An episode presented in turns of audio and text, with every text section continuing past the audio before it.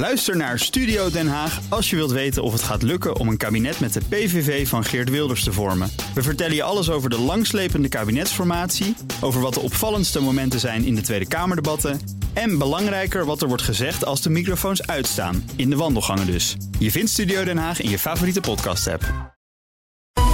De verkiezingen.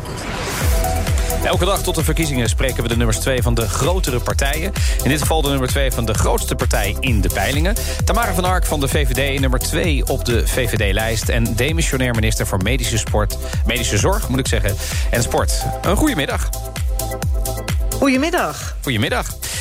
De ondertitel van jullie verkiezingsprogramma is... Nieuwe keuzes voor een nieuwe tijd. En even later gaat het weer over een nieuw verhaal. Wat is nou het grote verschil tussen de VVD straks... en de VVD die we nou ja, kennen de afgelopen tien jaar? Ja, we, blijven natuurlijk uh, uh, knokken voor, uh, voor mensen, want dat is waarvoor we zijn opgericht. Maar wat we toch wel gezien hebben, is dat je, ik zal een voorbeeld noemen, soms toch een sterke overheid nodig hebt als er bepaalde dingen gewoon niet kloppen of onrechtvaardig zijn in de samenleving. Dus daar hebben we in ons verkiezingsprogramma gewoon meer accent op gezet en ook meer voorstellen voor gedaan. Ja, er was een tijd dat als je dat op een VVD-borrel zei, dat het vloek in de kerk was, hè? Meer overheid. Ja, het is niet zozeer meer overheid hoor. Het is een sterke overheid daar waar nodig. En dat zie je nu bijvoorbeeld ook aan de gezondheidszorg, waar we ja, nu toch met z'n allen al een jaar in die uh, coronacrisis zitten. Ja. En zeggen ook wij, uh, we hebben natuurlijk wel altijd heel erg naar uh, die organisatie van die gezondheidszorg gekeken en het natuurlijk over efficiëntie gehad. Dat is natuurlijk super belangrijk. Maar je ziet ook in tijden van crisis dat het ook van belang is dat je bijvoorbeeld flexibele inzet houdt voor, voor mensen in de zorg. En misschien ook die IC-capaciteit wat, wat robuuster maakt en flexibeler maakt. Dus ja, dat zijn toch belangrijke punten waar de overheid gewoon ook echt zijn sterke kant moet laten zien. Ja, want als we gaan kijken, zorgparagraaf, VVD-verkiezingsprogramma. De komende tijd willen we doorgeschoten marktwerking en bureaucratie in de zorg aanpakken. Doorgeschoten marktwerking. Ja, wanneer kwam u tot die realisatie? Ja, ik denk dat dat al heel lang ook een, een, rol speelt, ook bij de discussies die wij hebben. Ik voer hem in ieder geval al heel lang met mijn collega's. En denk bijvoorbeeld aan het feit dat het natuurlijk prima is als jij een ondernemer bent in de zorg en uh, je draait goed dat je dan ook investeert in nieuwe methoden en technieken. Kijk, die innovatie is heel erg belangrijk.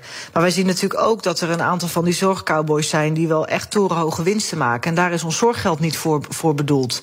En dan zeggen wij, dat moet je dus ook aanpakken. En dan moet je dus ook niet van, uh, van wegkijken. En hoe lang heeft u er al over met uw collega's? Nou ja, ik zit zelf al uh, een uh, behoorlijke tijd uh, ben ik actief in, in, in en onder gezondheidszorg in, in het Haagse. En wat mij, ik heb, dit zijn altijd wel onderwerpen van gesprek geweest. Het is wel zo natuurlijk lang, dat de buitenwereld. De, wat de VVD heeft natuurlijk de afgelopen tien jaar geregeerd. Dus als u ervan op de hoogte ja. was, en u had het er ook over... Ja, dan vraag ik me af, waarom heeft u het toen niet veranderd? Ja, het is natuurlijk altijd zo dat uh, als, je, als je dingen. Uh, je bent aan de macht, je kan dingen regelen, maar je kan niet alles regelen. Dus we hebben voorstellen gedaan. En zeker met die, uh, die grote winst in de zorg zijn we al een tijdje bezig. Maar je ziet gewoon dat je dat niet allemaal in één keer kan regelen. Daarom doen we nu ook deze voorstellen in ons verkiezingsprogramma. U had er volgens mij een makkelijke Omdat... meerderheid voor kunnen krijgen. Ja, en we hebben ook een aantal dingen gelukkig uh, goed, uh, goed kunnen regelen. Er zijn voorstellen gedaan, bijvoorbeeld om uh, zorgaanbieders die de markt opkomen, om beter te gaan kijken wat voor organisaties zijn het eigenlijk. Want het was wel heel makkelijk om die zorg in te komen. En we zien ook bijvoorbeeld in de jeugdzorg of in de geestelijke gezondheidszorg dat het maken van een bedrijf met veel winst wel heel erg makkelijk was, wat niet de bedoeling is van zorggeld. En daar hebben we ook voorstellen voor gedaan en daar gaan we ook mee door. Maar is het niet gewoon zo, en dat kan ik me heel erg goed voorstellen... Hè? er is iets op ons afgekomen wat we tot nou ja, ruim een jaar geleden onmogelijk hadden kunnen voorspellen: de coronacrisis die heeft natuurlijk laten zien waar de zwakke plekken zitten, waar, waar de zorg beter had gekund. En ja, u heeft het er al heel lang over, maar de, dingen die u zegt zijn natuurlijk niet nieuw. Hè? En de, de, de, de, de, de, de collega's van andere partijen, zonder namen te noemen, maar we weten allemaal welke partijen dat zijn, die hebben dit natuurlijk in de Kamerdebat al heel lang geroepen. Is het niet gewoon zo dat ook u, de VVD, tot de realisatie kwam door corona? En wat mij betreft gaat het verder terug. Maar als ik naar de afgelopen maanden kijk, sinds ik eh, minister ben, zit ik er natuurlijk echt met mijn neus bovenop. Ben ik echt gewoon ik, elke dag weer onder de indruk van hoe de zorg in Nederland wordt geleverd. Hoe uh, liefdevol de mensen zijn die in de zorg werken. En als je kijkt naar de vraagstukken die achter deze crisis vandaan komen, dan gaan die ook over vragen als hoe afhankelijk willen we eigenlijk zijn van het buitenland. Hè? Wij vinden het. Bijvoorbeeld nu zien we ook gewoon het belang dat je persoonlijke beschermingsmiddelen in Nederland kan produceren. Dat je ook reservecapaciteit voor je intensive care hebt uh, staan. Dat er meer samengewerkt wordt in de zorg. Nou, die ontwikkelingen die waren natuurlijk al langer mm -hmm. uh, uh, op gang. Bijvoorbeeld het ook samen beslissen in die spreekkamer. Dat leeft een andere manier op van zorgorganisatie. Nou, dat is niet alleen slim, maar dat is ook beter voor mensen en voor de mensen die in de zorg werken. Dus daar willen we graag mee doorgaan. Ja, snap ik. En kijk, er zijn natuurlijk, en zeker in de campagne worden dat soort verschillen natuurlijk uh, vergroot. Er zijn natuurlijk partijen die zeggen: ja, maar wacht eens even, de VVD die, die roept dit nu. Maar ja, we zijn jarenlang roepen in de woestijn geweest en de VVD kregen we nooit mee.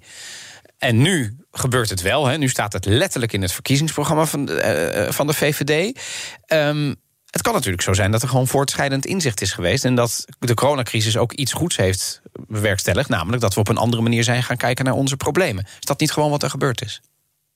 Ja, ik heb ook in de afgelopen tijd gezien dat er heel veel wordt, uh, wordt samengewerkt. Hè. We hebben natuurlijk in deze coalitie ook een aantal stappen gezet, ook in de, in de gezondheidszorg. Maar ook als ik kijk naar de voorstellen die gedaan zijn in de Kamer, ook door andere partijen, bijvoorbeeld voor zorgreservisten of voor die intensive care, die zijn ook gesteund door de VVD. Dat klopt wat u zegt. In campagnetijd worden verschillen uitvergroot. Maar ik zie dat we ook echt zij aan zij met elkaar werken. En die samenwerking hebben we ook nodig. Want uh, als we straks aan de eindstreep zijn van deze crisis, dan zullen we de boel ook weer moeten gaan uh, opbouwen, verder ja. uitbouwen uh, waar we mee bezig zijn. En dan, dan hebben we elkaar ook gewoon hard nodig. Ja, over die opbouw gaan we het zo meteen nog hebben. Dan toch nog één vraag in retrospectief over die zorg. Er, zijn het, er is ook heel veel kritiek van mensen die zeggen: luister, die bezuinigingen in de zorg, jarenlang structurele bezuinigingen. Um, de VVD die zat daar gewoon bij. Hè. Het feit dat we nu wat minder capaciteit hebben, dat is mede, het ligt natuurlijk niet alleen aan een partij, dat kan nooit, maar mede te danken aan de VVD. Wat antwoordt u daarop? Sorry, u viel even weg. Dat is maar ik denk dat u er even. Ik hoor u een beetje blikkerig nu. Oké, okay, ja. Het, uh, ik, ik, ik, praat netjes in de microfoon, maar ik, hopelijk is de verbinding nog steeds goed. Uh, ja, ik ja, hoor u weer. Ah, kijk, dat is goed. Ja, mijn vraag was: er zijn heel veel mensen die zeggen in retrospectief: luister, die VVD heeft tien jaar uh, in Den Haag gezeten en aan de knoppen gedraaid. Ook de tijd dat de bezuinigingen op de zorg zijn uitgevoerd en dat we minder capaciteit hebben, dat de wachtlijsten zijn opgelopen. Wat zegt u tegen die mensen? Nou ja, kijk, uh, ik kan natuurlijk nu met allerlei cijfers komen en aangeven hoeveel miljarden we meer uitgeven aan zorg dan jaren geleden en hoeveel duizenden mensen er meer werken in de zorg. Maar ik uh, zal niet uh, mijn ogen sluiten voor het feit dat we een aantal jaar geleden in een diepe financieel-economische crisis zaten. En dingen moesten doen omdat ze nodig waren, waar ook wij onze handtekening onder hebben gezet. Die hebben er overigens wel voor gezorgd dat we nu in deze coronacrisis ook op de situatie staan dat we flink kunnen investeren, dat we ondernemers kunnen helpen. Dat we ook in die gezondheidszorg uh, al die miljarden uit kunnen trekken die gewoon keihard nodig zijn nu. En dat we ook gewoon uh, lessen daaruit uh, trekken voor de toekomst. Maar het is, we komen natuurlijk wel ergens vandaan. En er is wel het nodige gebeurd in de afgelopen jaren. Maar als je kijkt naar wat er is uitgegeven aan zorg. Ik denk ook dat het goed is. Hè, want gezondheidszorg vinden we echt gewoon het allerbelangrijkste. Dat blijkt ook nu. Mm -hmm. Dan vind ik het ook terecht dat daar heel veel geld naartoe gaat. maar dan is, heb je nog steeds wel een grote verantwoordelijkheid om te kijken of dat ook op een goede manier gebeurt. Nou, en als je dan ziet uh, hoe zorg werkt als bijvoorbeeld de arts en de patiënt in de spreekkamer samen gaan kijken hoe ze bepaalde zorg inkleuren, dan zie je dat je dat zowel op een slimme manier kan doen, ook gewoon verstandig financieel, maar dat het ook voor de kwaliteit van leven gewoon echt heel goed werkt. Dus wij zien daar wel echt toekomst in. Je luistert naar BNR in de middag. De gast is de nummer 2 op de VVD-lijst, Tamara van Ark. Dan wil ik het ook nog even over uzelf hebben.